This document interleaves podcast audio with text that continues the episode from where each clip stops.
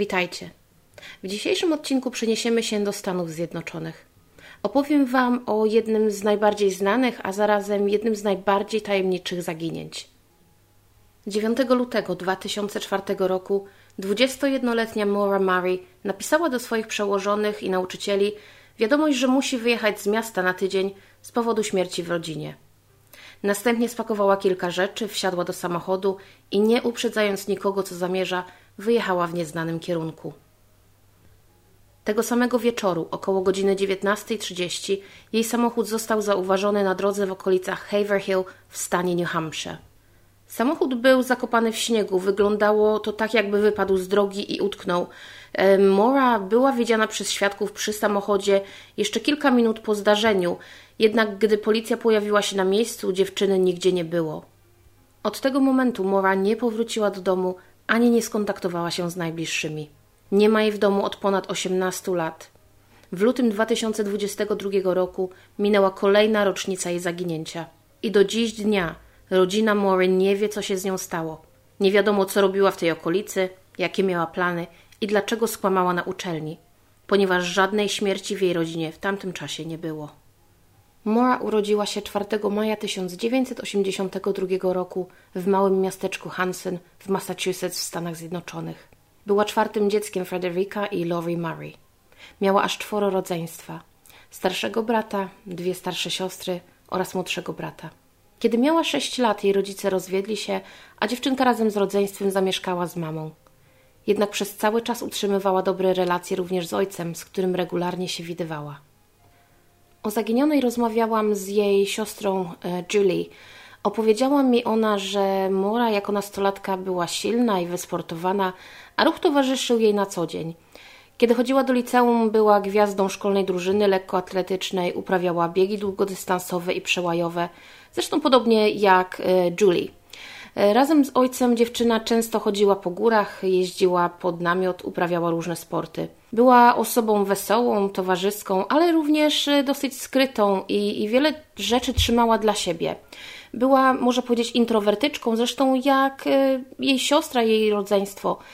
Mm, po zaginięciu Mory okazało się, że jej znajomi i rodzina nie wiedzieli o wielu problemach Mory, które z czasem wyszły na jaw. Po ukończeniu liceum Mora zdecydowała się pójść na studia na prestiżową akademię wojskową e, United States Military Academy w West Point, czyli Akademia Wojskowa Stanów Zjednoczonych w West Point e, w stanie Nowy Jork. Studiowała tam inżynierię chemiczną i właśnie na West Point poznała swojego chłopaka Billa Rausch, pochodzącego z Oklahomy.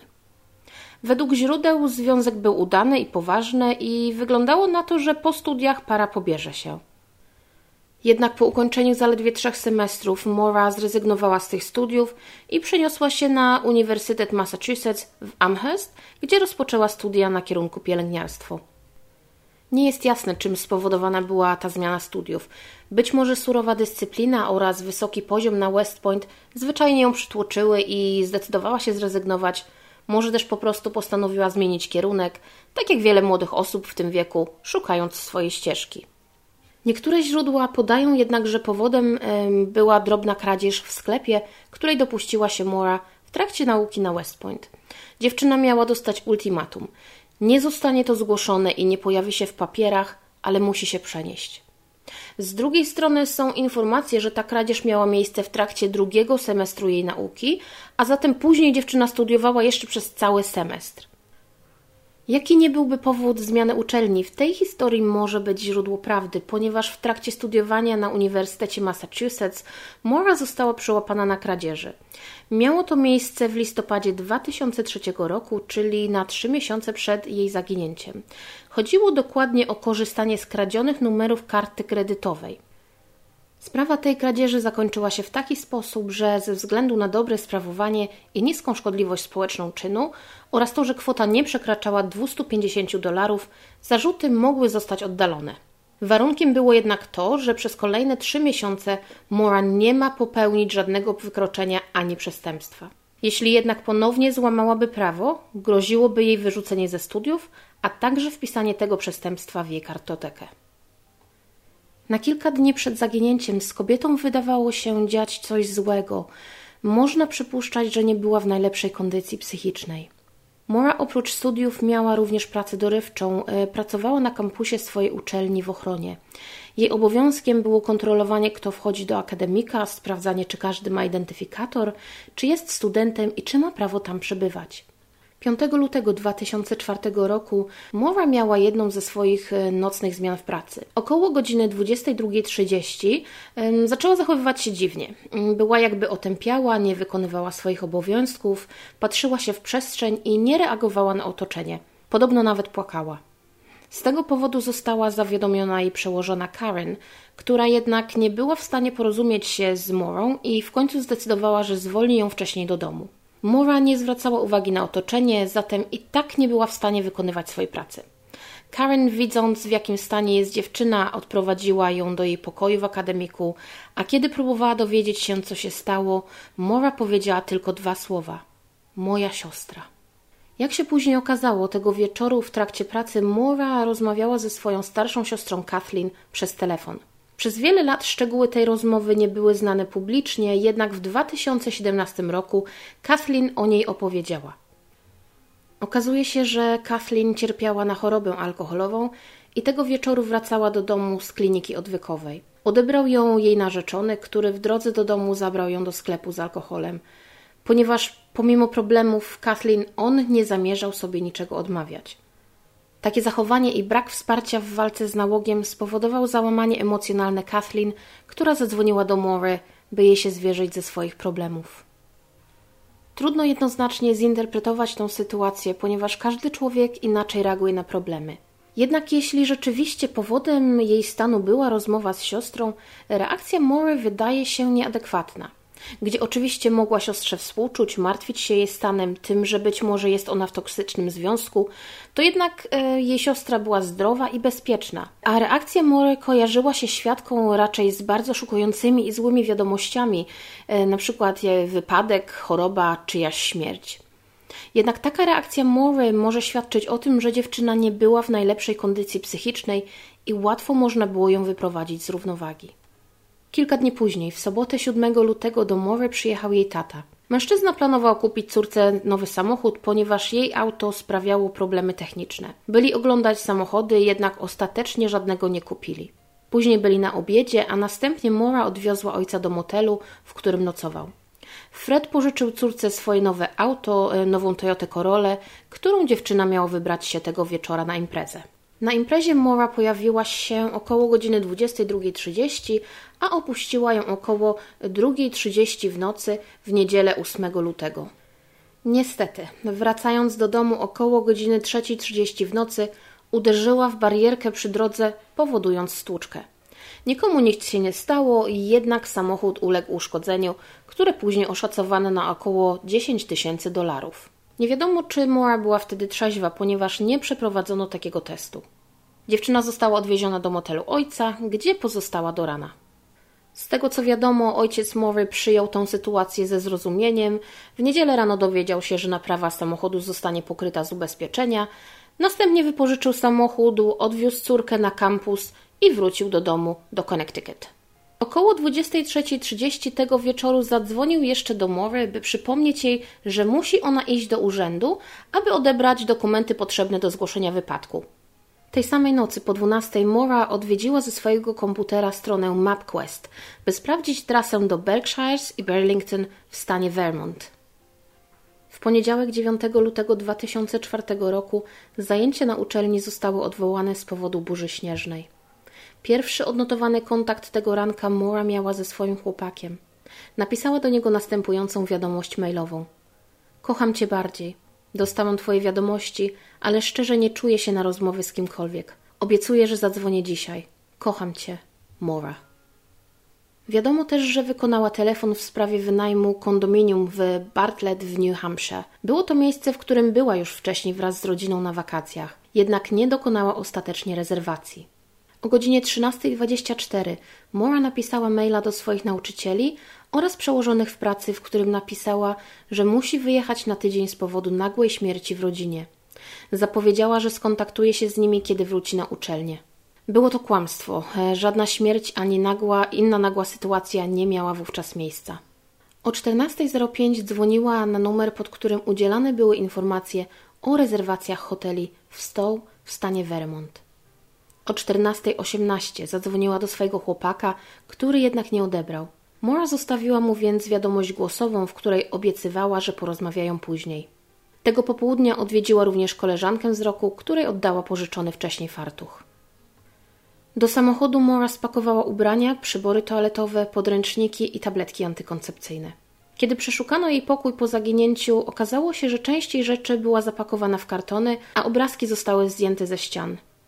Nie wiadomo, czy dziewczyna spakowała te rzeczy przed swoim wyjazdem, czy może były one wciąż nierozpakowane po przerwie międzysemestralnej, z której niedawno, a dokładnie 10 dni wcześniej, wróciła. Według słów jednego z funkcjonariuszy prowadzących śledztwo, na wierzchu leżała również notatka Mory do jej chłopaka. Szczegóły wiadomości nie są znane, jednak z treści wynikało, że mieli problemy w związku. Jednak w sierpniu 2004 roku mama Mory, Lori, mówiła w wywiadzie, że relacja jej córki z Billim była bardzo, bardzo dobra. Podobnie twierdziła mama chłopaka. Mm, zdradziła ona, że wiosną 2002 roku relacja pary była napięta, jednak do lata młodzi rozwiązali swoje problemy i od tamtej pory ich relacje były bardzo dobre. Co więcej, powiedziała ona, że Billy był w pokoju Mory dwa dni po jej zaginięciu i nie znalazł tam żadnego listu. Około 15.30 Mora wyjechała z kampusu swoim czarnym Saturnem. O 15.40 wypłaciła z bankomatu 280 dolarów, co stanowiło prawie wszystko, co miała na koncie. Na nagraniach monitoringu widać, że była sama. W niedalekim sklepie z alkoholem dziewczyna zrobiła zakupy za około 40 dolarów. Kupiła m.in. wódkę, kaluę, Baileys i francuskie wino. I tym razem na monitoringu widać, że Mora była sama. Kobieta opuściła Amherst między godziną 16 a 17 w poniedziałek 9 lutego i najprawdopodobniej udała się na północ.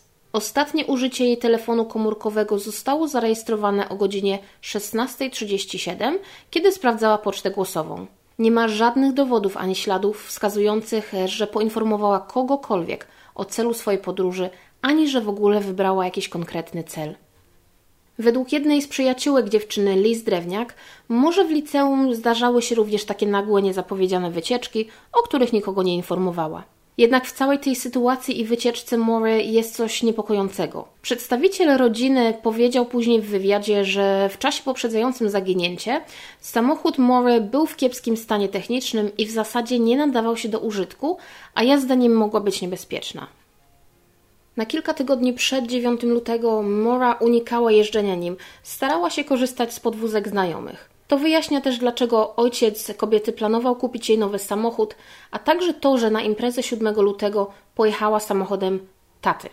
Tym bardziej dziwne i zastanawiające jest, dlaczego zdecydowała się na nagły wyjazd tak niepewnym autem. Jakiś czas później, po godzinie 19 w Woodsville w stanie New Hampshire, kobieta o imieniu Faith Westman usłyszała huk na zewnątrz swojego domu. Kiedy wyjrzała przez okno, zobaczyła stojący w śnieżnej zaspie przy drodze samochód. Zawiadomiła biuro szeryfa. Według raportu było to o godzinie 19.27. Faith zeznała również, że obserwowała miejsce wypadku z za okna i widziała ruch wokół samochodu, jakby ktoś z niego wysiadał, kręcił się wokół, wyciągał coś z bagażnika. Tym samym czasie także mężczyzna mieszkający w sąsiedztwie widział samochód i kogoś w jego pobliżu, a obok samochodu zatrzymał się jeszcze inny mężczyzna. Był to kierowca autobusu Butch Atwood, wracający akurat do domu. Zeznał on później, że przy samochodzie była młoda kobieta. Nie była ranna, a jedynie wyraźnie zmarznięta i według niego nie wyglądała też na nietrzeźwą. Powiedziała, że wezwała już pomoc drogową. Mężczyzna jednak wiedział, że nie mogła tego zrobić, ponieważ w tym miejscu nie było zasięgu. Później okazało się, że pomoc drogowa rzeczywiście nie otrzymała żadnego telefonu. Po powrocie do domu, znajdującego się kilkaset metrów dalej, kierowca zadzwonił do biura szeryfa. Jego telefon zarejestrowano o godzinie 19.43. Butch i jego żona ze swojego domu nie widzieli miejsca wypadku, jednak widzieli drogę i to, że zanim przyjechała policja, przejechało nią kilka innych samochodów. Tej wersji przeczy zeznanie jednego świadka. Była nim kobieta o imieniu Kate, e, która przejeżdżała drogą i widziała samochód Mory i zaparkowanego obok niego policyjnego suwa. Nie widziała dookoła jednak żadnego innego samochodu ani ludzi. E, miało to miejsce o godzinie 19.37, co ustalono na podstawie wykonanego przez nią później połączenia telefonicznego i czasu, jaki mogło jej zająć przejechanie z miejsca wypadku Mory do miejsca, gdzie zatrzymała się, by zadzwonić. Zgodnie jednak z oficjalnymi danymi policji, funkcjonariusz Cecil Smith pojawił się na miejscu dopiero o godzinie 19.46. Nie zastał nikogo w samochodzie ani wokół niego, a samochód był zamknięty. Później okazało się, że auto na ostrym zakręcie wypadło z drogi i uderzyło w drzewo po stronie kierowcy. Lewy reflektor był poważnie uszkodzony, szyba pęknięta, a chłodnica została wypchnięta do wentylatora, co sprawiło, że samochód był niesprawny. W samochodzie znajdowały się rzeczy osobiste Mory, a także dokumenty, które odbrała z urzędu na prośbę ojca. Poza tym w środku były rozbite butelki francuskiego wina, a także duża butelka coli, w której, jak się okazało później, znajdowało się wino nie cola. Później okazało się, że część alkoholu kupionego przed wyjazdem kobiety zniknęła z auta. Nie było też jej portfela, karty debetowej i telefonu komórkowego. Żadne z nich nie było używane od momentu zaginięcia. Policjant zaczął więc rozglądać się po okolicy i wypytywać świadków, kierowcę autobusu Faith, która jako pierwsza wezwała policję i innych sąsiadów. Niestety, nikt nie wiedział, co mogło stać się z kobietą. Później funkcjonariusz wraz z kierowcą autobusu zaczęli jeździć po okolicy w poszukiwaniach mowy. Niestety nigdzie jej nie znaleźli. Wszystko wskazuje na to, że w ciągu niecałych 10 minut między rozmową z kierowcą autobusu a przyjazdem policji mora rozpłynęła się w powietrzu. Niesamowicie frustrujące jest to, że gdyby od razu po przyjeździe policjanta zaczęły się poszukiwania, prawdopodobnie Mora zostałaby szybko odnaleziona. W ciągu tych kilku minut nie mogła oddalić się za daleko. Zagadkowy jest również fakt, że okoliczni mieszkańcy, tacy jak Faith Westman, przez większość czasu obserwowali to, co działo się za oknem, a jednak nikt nie widział oddalającej się mory. Trzeba jednak pamiętać, że było już ciemno, a ta droga nie była oświetlona, Najbliższe źródło światła pochodziło z domu Faith, znajdującego się kilkanaście metrów dalej. Około godziny 20 na miejsce przyjechała straż pożarna, a niecałe 50 minut później samochód znajdował się już na policyjnym parkingu w Haverhill. Niestety, na początku ani samochód, ani okolice wypadku nie zostały potraktowane jako potencjalne miejsce zbrodni i odpowiednio zabezpieczone. W tamtym momencie nie przesłuchano również okolicznych mieszkańców, e, przejeżdżających kierowców ani żadnych innych świadków. Stało się to dopiero ponad 36 godzin po zaginięciu. Prawdopodobnie z powodu alkoholu w samochodzie uznano, że dziewczyna była pod wpływem w momencie wypadku i uciekła, by nie wpaść w kłopoty. Spodziewano się, że następnego dnia, w momencie kiedy nie będzie można już jej udowodnić nietrzeźwości, sama zgłosi się na policję. Moore została oficjalnie uznana za osobę zaginioną dopiero o godzinie 12 następnego dnia, czyli kilkanaście godzin po tym, jak była ostatni raz widziana. Miała na sobie dżinsy, ciemny płaszcz i czarny plecak. 11 lutego do Haverhill przyjechał ojciec Mory. Rozpoczęły się poszukiwania. Pies tropiący dostał do powąchania rękawiczki kobiety i złapał trop, prowadząc około 100 metrów na wschód od miejsca znalezienia samochodu. Jednak dalej trop się urwał. To sugerowało, że dziewczyna mogła wsiąść do czyjegoś samochodu. Z drugiej strony pojawiły się informacje, że minęło zbyt dużo czasu od zaginięcia do momentu sprowadzenia psów, a na dodatek nie wiadomo, czy rękawiczki, które pies dostał do powąchania, nie były zbyt nowe i zapach mory mógł być na nich za słaby. Od momentu zaginięcia Mory do momentu rozpoczęcia poszukiwań nie spadło więcej śniegu, więc e, gdyby dziewczyna zeszła z drogi na przykład w las, powinny zostać odciski jej butów. Nic takiego jednak nie znaleziono, dlatego uważa się, że musiała oddalić się drogą na wschód lub na zachód, bądź wsiąść do samochodu. Do Haverhill przyjechał również e, chłopak Mory Billy wraz ze swoimi rodzicami. Został on przesłuchany, a następnie dołączył do poszukiwań. Dalsze poszukiwania jednak nie doprowadziły ani do odnalezienia Mory, ani do odnalezienia żadnych znaczących tropów. Około godziny 19 tego dnia policja ogłosiła, że uznają za prawdopodobne, że Mora przyjechała w te okolice, by uciec lub popełnić samobójstwo. Oczywiście rodzina nie wierzyła w tą wersję, uważała, że dziewczynę spotkała krzywda z ręki osoby trzeciej. Okazało się też, że kiedy chłopak Mory leciał samolotem i miał wyłączony telefon, ktoś zostawił mu wiadomość głosową. Jego zdaniem na nagraniu słyszał płacz Mory, jednak później okazało się, że telefon wykonano z numeru zarejestrowanego na amerykański Czerwony Krzyż, z którym Billy był związany. 12 lutego rozszerzono obszar poszukiwań na Kangamakes Highway, a tydzień po zaginięciu z inicjatywy rodziny również na okolice Vermont.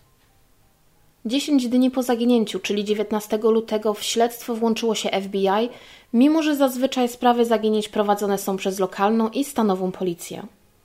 FBI przesłuchało rodzinę Mory w Massachusetts. Ogłoszono też, że poszukiwania są prowadzone na terenie całego kraju. W tym czasie również ponownie przeszukano teren z ziemi i z powietrza, z użyciem helikoptera zaopatrzonego w kamerę termowizyjną, a także z udziałem psów tropiących oraz psów wyszkolonych do szukania zapachu zwłok. Niestety i te poszukiwania niczego nie wniosły. Pod koniec lutego rodzinie Mory zwrócono jej rzeczy znalezione w samochodzie, a 2 marca rodzina wyjechała z New Hampshire. Jednak Fred Murray, ojciec kobiety, wracał w to miejsce niemal w każdy weekend i kontynuował poszukiwania. W marcu 2004 roku, około 110 km od miejsca zaginięcia Mory, wydarzyło się zaskakująco podobne zaginięcie. 19 marca w Montgomery w stanie Vermont zaginęła bez śladu 17-letnia Brianna Maitland. Jej samochód znaleziono wbity w ścianę opuszczonego domu w drodze między jej domem a pracą, z której wracała. Po dziewczynie nie było śladu, nie było też żadnych świadków wypadku. Brianna do dzisiaj nie wróciła do domu i nie wiadomo, co się z nią stało. Jednak mimo zaskakujących podobieństw, policja nie łączy tych dwóch spraw. Funkcjonariusze stanowczo wykluczają możliwość, że z zaginięciami miał związek seryjny morderca. W kwietniu 2004 roku policja poinformowała, że uważają za prawdopodobne, że Mora zmierzała w nieznanym kierunku i mogła skorzystać z autostopu, by kontynuować podróż. Dodali też, że nie znaleziono żadnych dowodów na popełnienie przestępstwa. Niemal trzy miesiące po zaginięciu na policję zgłosił się pewien człowiek, który dopiero po czasie skojarzył, że wiedział coś, co mogło mieć znaczenie dla sprawy. Między godziną 20 a 20.30 9 lutego widział kogoś na drodze numer 112, mniej więcej 6 do 8 km na wschód od miejsca wypadku. Była to młoda osoba o nieokreślonej płci, ubrana w dżinsy, czarny płaszcz i jasny kaptur, biegnąca drogą. Jednak po takim czasie mężczyzna ten nie miał stuprocentowej pewności, że było to na pewno wieczorem 9 lutego. Na początku lipca 2004 roku policja poprosiła rodzinę o zwrócenie rzeczy mowy w celu przeprowadzenia analizy kryminalistycznej, natomiast 13 lipca przeprowadzono poszukiwania na terenie wokół miejsca wypadku o promieniu jednej mili, czyli ponad półtora kilometra. W poszukiwaniach brało udział ponad 100 poszukujących policjantów stanowych, ratowników i wolontariuszy. Była to już czwarta akcja poszukiwawcza, jednak pierwszy raz teren nie był pokryty śniegiem w trakcie poszukiwań. Ponownie nie znaleziono nic istotnego dla sprawy.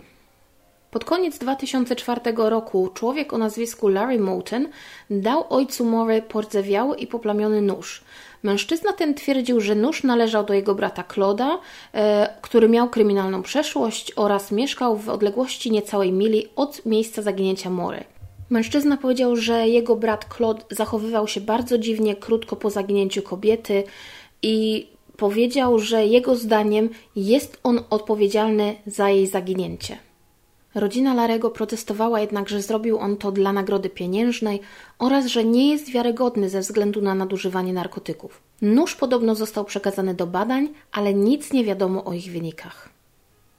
Wszystko wskazuje na to, że Claude Mouton wyprowadził się z okolicy krótko po zaginięciu Mory, ponieważ właściciele domu, w którym wówczas mieszkał, a którzy kupili go w 2014 roku, wspominają o tym, że dom był opuszczony przez około 10 lat. W październiku 2006 roku odbyły się kolejne poszukiwania z udziałem wolontariuszy i były prowadzone w promieniu kilku kilometrów od miejsca, gdzie znaleziono samochód zaginionej. W niecałą milę od tego miejsca stał dom. Tak A-frame house, czyli dom ze spadzistym dachem o kształcie litery A. Często takie domy są wykorzystywane jako domki wczasowe. I to właśnie w tym domu w 2004 roku mieszkał mężczyzna, którego brat dał ojcu Mory nóż, jednak w 2006 roku dom był już opuszczony.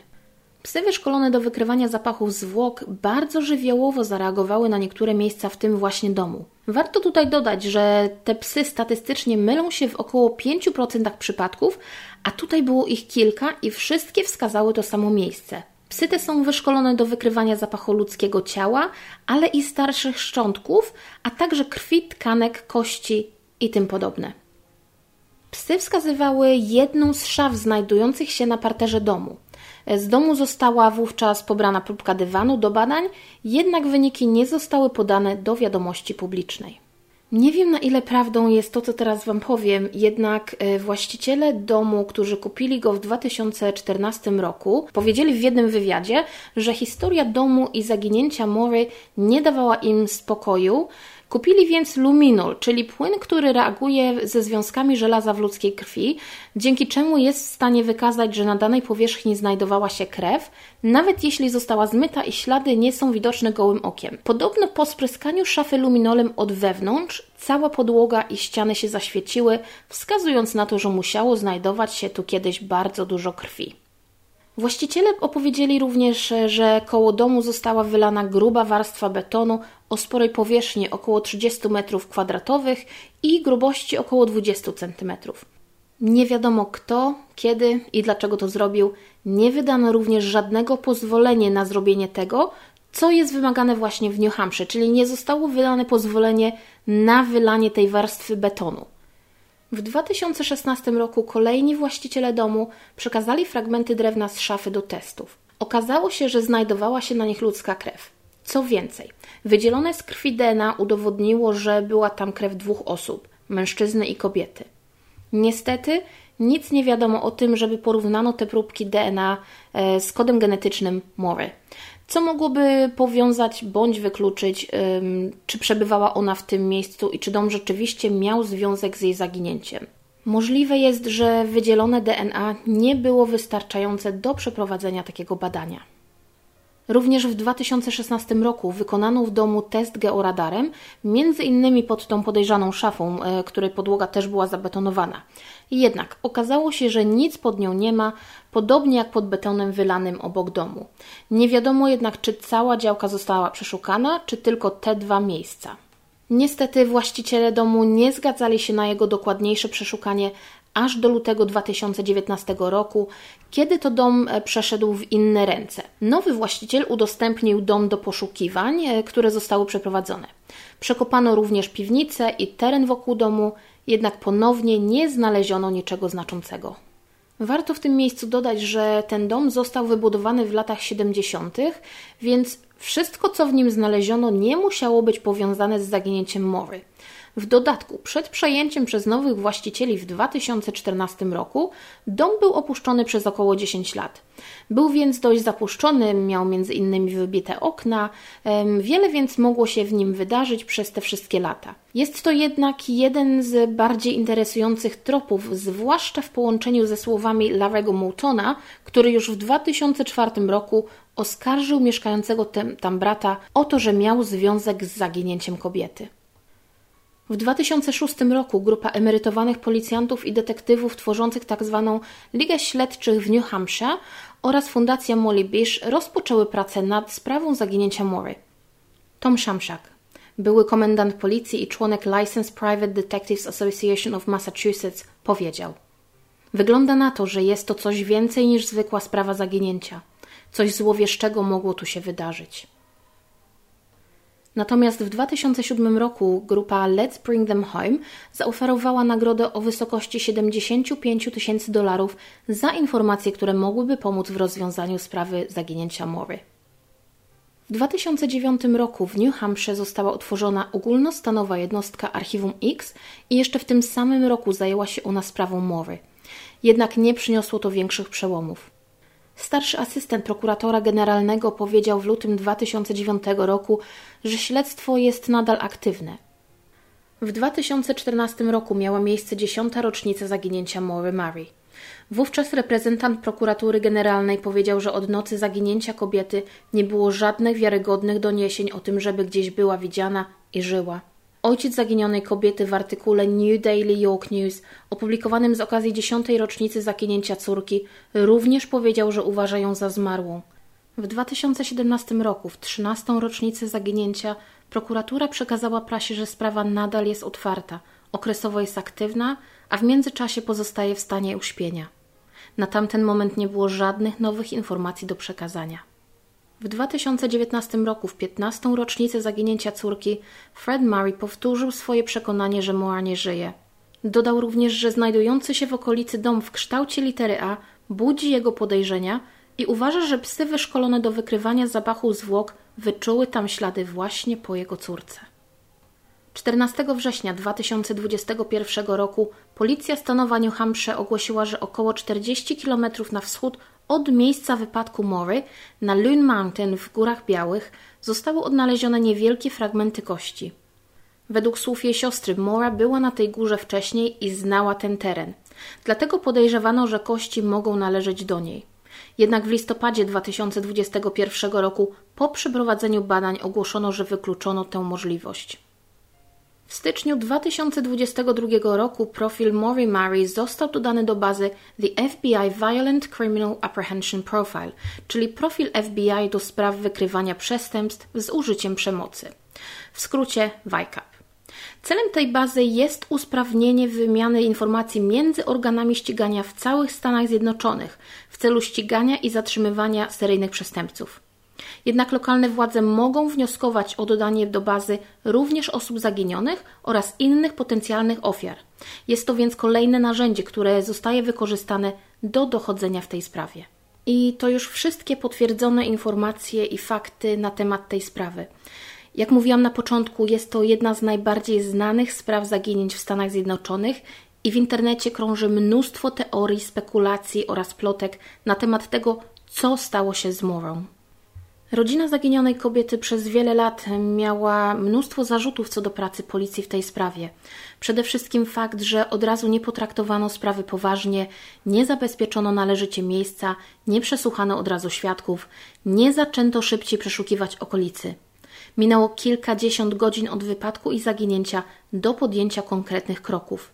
A w sprawach zaginięć te pierwsze godziny są najbardziej kluczowe. Tutaj szczególnie aktywnie wypowiada się i skarży w mediach ojciec Mory, Fred. I trudno, trudno mu się dziwić. Siostra Maury Julie powiedziała mi jednak, że całkiem niedawno e, sprawę przejął nowy zespół, nowi, młodzi, e, charyzmatyczni e, funkcjonariusze. Julie jest bardzo pewna tego, że działają i będą działać ku temu, aby dowiedzieć się, co stało się z Morą. Jest bardzo zadowolona z ich pracy. Ona, jak i cała rodzina mają nadzieję, że Dzięki temu, że sprawa została przejęta przez nowe osoby, nowych funkcjonariuszy, w końcu dotrą do odpowiedzi, dostaną te odpowiedzi i dowiedzą się, co stało się z ich córką i siostrą ponad 18 lat temu. Praktycznie od momentu zaginięcia Mory na temat tej sprawy krąży wiele plotek i niepotwierdzonych teorii. Jedną z nich jest to, że kobieta miała romans z jednym z pracowników uczelni i zaszła w ciążę, co przyczyniło się do jej dziwnego zachowania w okresie przed zaginięciem, a także samego wyjazdu i zaginięcia. Innym faktem w tej sprawie jest to, że w noc 5 lutego, kiedy Mora dziwnie zachowywała się na swojej nocnej zmianie w pracy, miało miejsce potrącenie studenta w pobliżu kampusu. Pojawiły się podejrzenia, że to Mora spowodowała wypadek, a następnie uciekła i to stąd wzięło się jej dziwne zachowanie. Jednak w takim razie musiałaby opuścić zmianę w którymś momencie wieczoru, a tego nic nie potwierdzało. Istnieje również sporo podejrzeń w stosunku do świadków wypadku Mory i ludzi, którzy mieszkali w pobliżu. Na przykład trop Mory urwał się w pobliżu domu Butcha Atwooda, kierowcy autobusu, który jako ostatni rozmawiał z dziewczyną.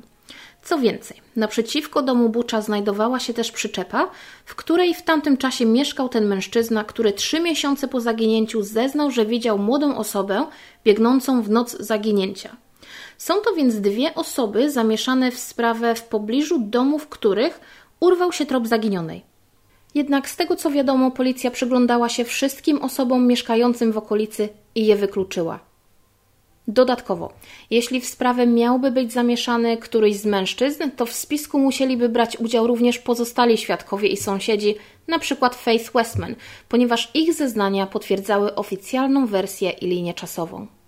20 lutego 2018 roku, czyli 11 dni po 14 rocznicy zaginięcia Mory, Cecil Smith, czyli policjant, który pierwszy znalazł się na miejscu wypadku, odebrał sobie życie, co również wywołało falę spekulacji, jakoby on był zamieszany w zaginięcie kobiety, odpowiedzialny za nie lub wiedział, co mogło się stać z Morą. Co ciekawe, chłopak Mory Billy w październiku 2018 roku stanął przed sądem, ponieważ został oskarżony o molestowanie przez jedną z współpracownic. Wtedy też jego była dziewczyna zdecydowała się ujawnić, że kiedy była z nim w związku, Billy dopuszczał się przeciwko niej przemocy, a nawet kilka razy nazwał ją imieniem Mora. Jednak wiadomo, że Billy w trakcie zeznań Mory był na pewno w Oklahomie i przyjechał na miejsce dopiero dwa dni później, więc z pewnością nie był bezpośrednio zamieszany w jej zaginięcie. Dodatkowo trudno wyobrazić sobie, że mógł jakoś zaplanować bądź zlecić komuś zrobienie krzywdy może, ponieważ wszystko wskazuje na to, że nikt, włącznie z nią samą, nie wiedział, gdzie ona zmierza, o której będzie w miejscu wypadku, a samą decyzję o wyjeździe też podjęła na ostatnią chwilę. Może to jednak rzucać nowe światło na relację Bilego i Mory, a co za tym idzie na motywację dziewczyny, a także jej kiepski stan psychiczny i jego przyczyny. Pewne wydaje się to, że Mora przed zaginięciem była w kiepskiej kondycji psychicznej. Wskazuje na to zachowanie na kilka dni przed wyjazdem, zgłaszane przez wielu świadków. Miało to znaczący wpływ dla sprawy pod tym względem, że podejmowane przez nią decyzje i działania mogły być mało racjonalne i nielogiczne ze względu na jej stan. Dlatego też najbardziej prawdopodobne wydaje się, że Mora podjęła spontaniczną decyzję, by wyjechać i odpocząć. Mogła chcieć odciąć się od wszystkiego, odpocząć, nikomu o tym nie mówiąc. Jak wiemy, dzwoniła do hoteli, jednak nic nie zarezerwowała, więc może po prostu ostatecznie postanowiła poszukać czegoś na miejscu. I zgodnie ze słowami ojca, Mora znała okolice Białych Gór i Bartlett bardzo dobrze, ponieważ bywała tam kilka razy w roku od dzieciństwa.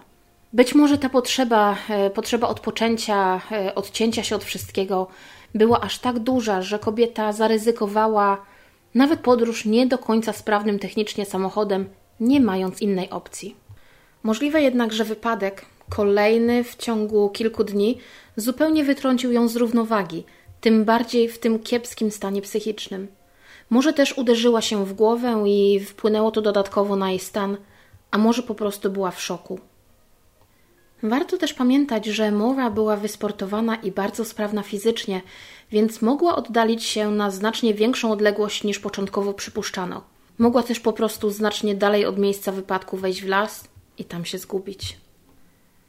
Zastanawia mnie, co mogło się stać już po wypadku, w sam wieczór zaginięcia. Wydaje mi się, że najbardziej prawdopodobne są e, cztery tutaj możliwości. Mm, pierwsza to taka, że po fakcie, czyli po wypadku, Mora chciała uciec z miejsca wypadku, na przykład z powodu stresu, w końcu to drugi wypadek i rozbity samochód e, w krótkim czasie, co mogło ją wytrącić z równowagi. Mogła doznać urazu głowy, być może była również pod wpływem alkoholu. I warto tutaj zauważyć, że jeżeli faktycznie była pod wpływem alkoholu, to znaczy, że złamała prawo, tym samym tracąc możliwość oddalenia zarzutów o kradzież, a co za tym idzie, groziłoby jej wydalenie ze studiów. I tutaj Mora mogła dobrowolnie podjąć decyzję o ucieczce. Drugą e, taką prawdopodobną wersją może być to, że kobieta mogła oddalić się od samochodu wyłącznie na chwilę, chcąc do niego wrócić po krótkim czasie. E, jak wspominałam wcześniej, w miejscu wypadku nie było zasięgu, więc mogła e, podjąć decyzję, żeby pójść troszeczkę dalej, zacząć krążyć po okolicy w poszukiwaniu zasięgu. Być może faktycznie planowała zadzwonić po pomoc drogową, tak jak powiedziała Buczowi, i po prostu oddaliła się od tego samochodu. Trzecia wersja jest taka, że faktycznie chciała uciec, zerwać ze swoim dotychczasowym życiem i zniknięcie było zaplanowane. Jednak ten wypadek pokrzyżował jej plany i dlatego złapała stopa który zawiózł ją w nieznanym kierunku, a ona rozpoczęła nowe życie i skutecznie się ukrywa. Wydaje się to jednak stosunkowo mało prawdopodobne. Jeśli tak, to po co brała ze sobą podręczniki i odbierała dokumenty, o które prosił ją ojciec? Czwarta wersja mówi o tym, że faktycznie możliwe, że Mora postanowiła odebrać sobie życie i jechała w tym celu do nieznanego miejsca, jednak wypadek pokrzyżował jej plany.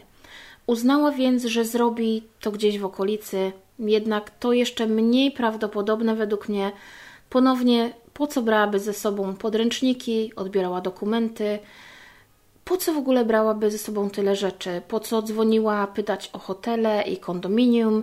Mogła oczywiście zrobić to pod wpływem impulsu, jednak przede wszystkim po tylu latach i tylu poszukiwaniach powinna już zostać odnaleziona. Możliwe jest też, że po oddaleniu się z samochodu, czy to uciekając, yy, bojąc się o to, że mo będzie mogła mieć więcej problemów, czy w poszukiwaniu zasięgu, możliwe, że wsiadła z kimś do samochodu i spotkała ją krzywda. Yy, mogła oddalić się gdzieś pieszo, mogła się zgubić, albo po prostu spotkała niewłaściwą osobę, która mogła ją skrzywdzić. Dla przypomnienia, 21-letnia Maura Murray zaginęła 9 lutego 2004 roku. Miała około 170 cm wzrostu, była szczupłej budowy ciała, miała ciemne włosy. Rodzina prosi każdą osobę, która może mieć jakiekolwiek informacje, które mogą pomóc w odnalezieniu Murray, o kontakt z policją w New Hampshire. Podam wszystkie informacje w opisie odcinka. Poprosili mnie również, abym przekazała Wam link do strony odnośnie zaginięcia Murray, również jak i informacje, linki do TikToka, gdzie Julie na bieżąco dodaje informacje odnośnie tej sprawy. Także wszystkie te informacje znajdziecie w opisie odcinka. Jak zawsze chciałbym bardzo, bardzo, bardzo podziękować e, Wam wszystkim za to, że jesteście, słuchacie, komentujecie, udostępniacie. Tak jak zawsze powtarzam, to dzięki Wam wiele spraw może zostać rozwiązanych. Dziękuję każdej osobie, która wsparła moją działalność na portalu Buy Coffee 2. Dla tych z Was, którzy chcieliby mnie wesprzeć, w opisie odcinka znajdziecie link do portalu, gdzie możecie kupić mi wirtualną kawę. Zapraszam również na moją stronę Facebook oraz na Instagram i e, linki również e, znajdziecie w opisie odcinka. Jeszcze raz dziękuję, że jesteście i do usłyszenia.